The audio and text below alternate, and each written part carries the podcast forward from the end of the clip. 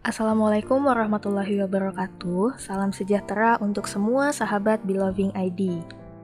Seperti yang teman-teman mungkin sudah tahu, Beloving ID selalu hadir dalam membahas seputar masalah-masalah yang sering terjadi dalam suatu hubungan, khususnya toxic relationship. Dalam suatu hubungan, baik itu dalam pertemanan, percintaan, keluarga, pekerjaan, atau sebagainya, pasti ada kalanya terdapat hubungan-hubungan yang tidak sehat. Hubungan-hubungan yang seperti itulah yang akan melahirkan ketoksikan itu sendiri. Nah, karena toxic relationship memiliki ranah yang cukup luas, maka dalam pembahasan ini, Beloving ID akan lebih memfokuskan toxic relationship di dalam hubungan pertemanan.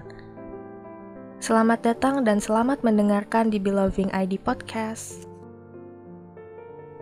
Teman, sepintas bahwa kata itu mewakili orang yang selalu dekat dengan kita, selalu bersama kita, selalu ada di kala kita membutuhkannya, mengobati saat kita terluka, mengusap air mata di saat kita menangis, mendukung keputusan yang kita buat, dan ikut tersenyum sewaktu kita bahagia.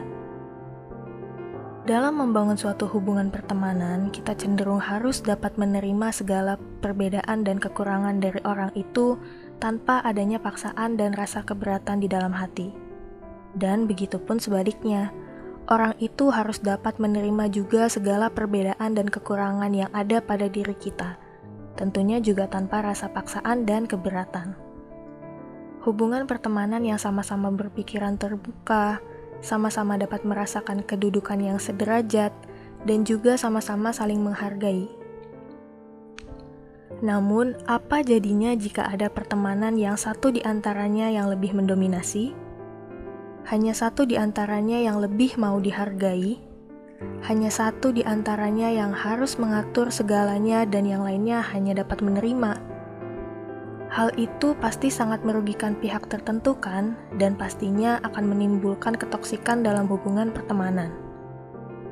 Kata toksik ini menunjukkan bahwa perilaku ya dalam suatu hubungan pertemanan itu dapat terasa menyakitkan dan merusak banyak pihak dalam hubungan tersebut. Seperti yang disampaikan oleh Stamp dan kawan-kawannya bahwa pada suatu hubungan pertemanan yang tidak seimbang dan memberatkan pihak lainnya namun masih dapat diterima, Hal itu sudah menunjukkan jika pertemanan itu merupakan pertemanan yang toksik. Pernah nggak sih kalian merasa menjalani hubungan pertemanan sering merasakan seolah-olah tidak menjadi diri kalian sendiri jika sedang bersama teman kalian itu?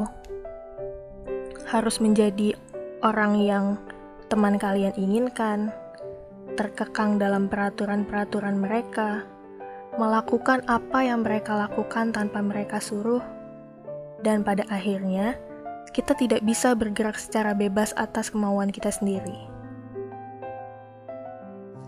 Tanda-tanda hubungan pertemanan yang toksik menurut psikolog Ainur Rahman dapat dilihat jika dalam pertemanan itu yang pertama adanya kompetisi yang tidak sehat, yaitu salah satu pihak yang mau menang sendiri dan tidak mau orang lain lebih hebat darinya atau bahkan dapat berkhianat untuk mencapai tujuannya. Yang kedua, waktu berkomunikasi yang tidak seimbang. Maksudnya adalah adanya gap satu sama lain ketika menyampaikan pendapat atau ketika sedang berbicara. Ketiga, kritik yang berlebihan tetapi tidak ada isinya. Misalnya, Kalian mendapat banyak kritikan ketika melakukan hal yang kalian sukai, tetapi tidak bagi mereka. Padahal kritikan-kritikan itu tidak membangun sama sekali, atau bahkan hanya menyakitkan hati. Yang keempat, tidak adanya rasa peduli. Ketika kita sedang sedih, susah, atau membutuhkan bantuan, mereka hilang dan tidak peduli dengan kita. Tidak adanya rasa menghargai dan rasa empati itu sangat menyakitkan kan? Yang kelima, saling bertengkar karena tidak adanya keterbukaan dan saling membohongi satu sama lain. Dan yang terakhir, pertemanan itu membuat salah satu pihak merasa stres.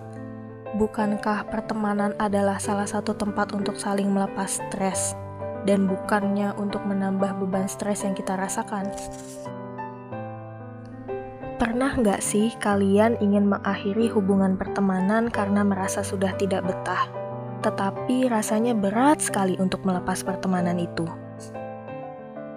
Ya, memang terasa sulit dari apa yang dibayangkan, apalagi jika kalian berteman sudah cukup lama.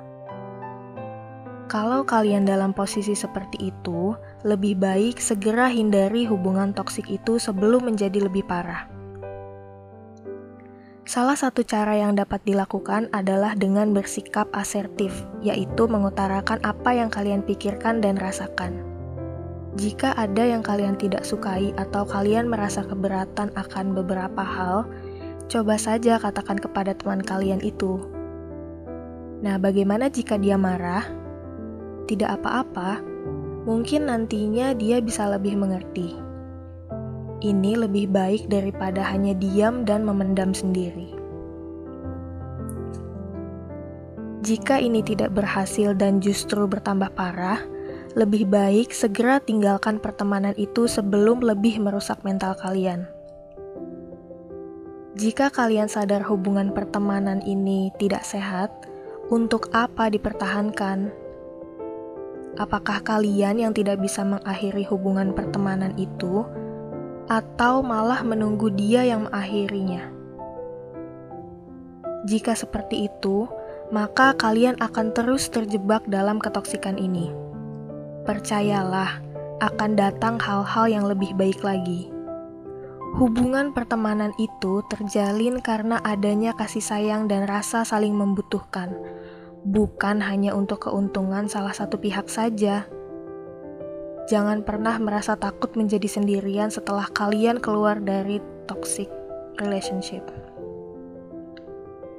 Ya, ini adalah pilihan kalian.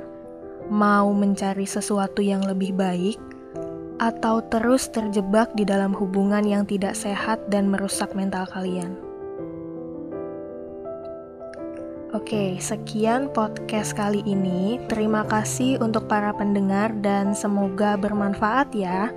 Salam hangat dari tim Beloving ID. Sampai jumpa lagi.